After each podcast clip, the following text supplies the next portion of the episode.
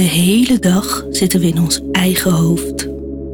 Of het nu gepieker, gekke gedachtenspinsels of gewoon een gevoel is. Alleen jij weet hoe het is om in jouw hoofd te leven. Maar wat nou als je voor heel even in het hoofd van een ander kan kruipen? Mentaal ben ik ergens anders.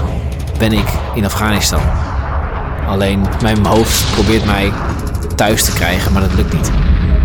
Dat zijn drie verschillende paniekaanvallen. Van de file, van de hartaanval, van mijn geld. Terwijl ik net twee minuten wakker ben.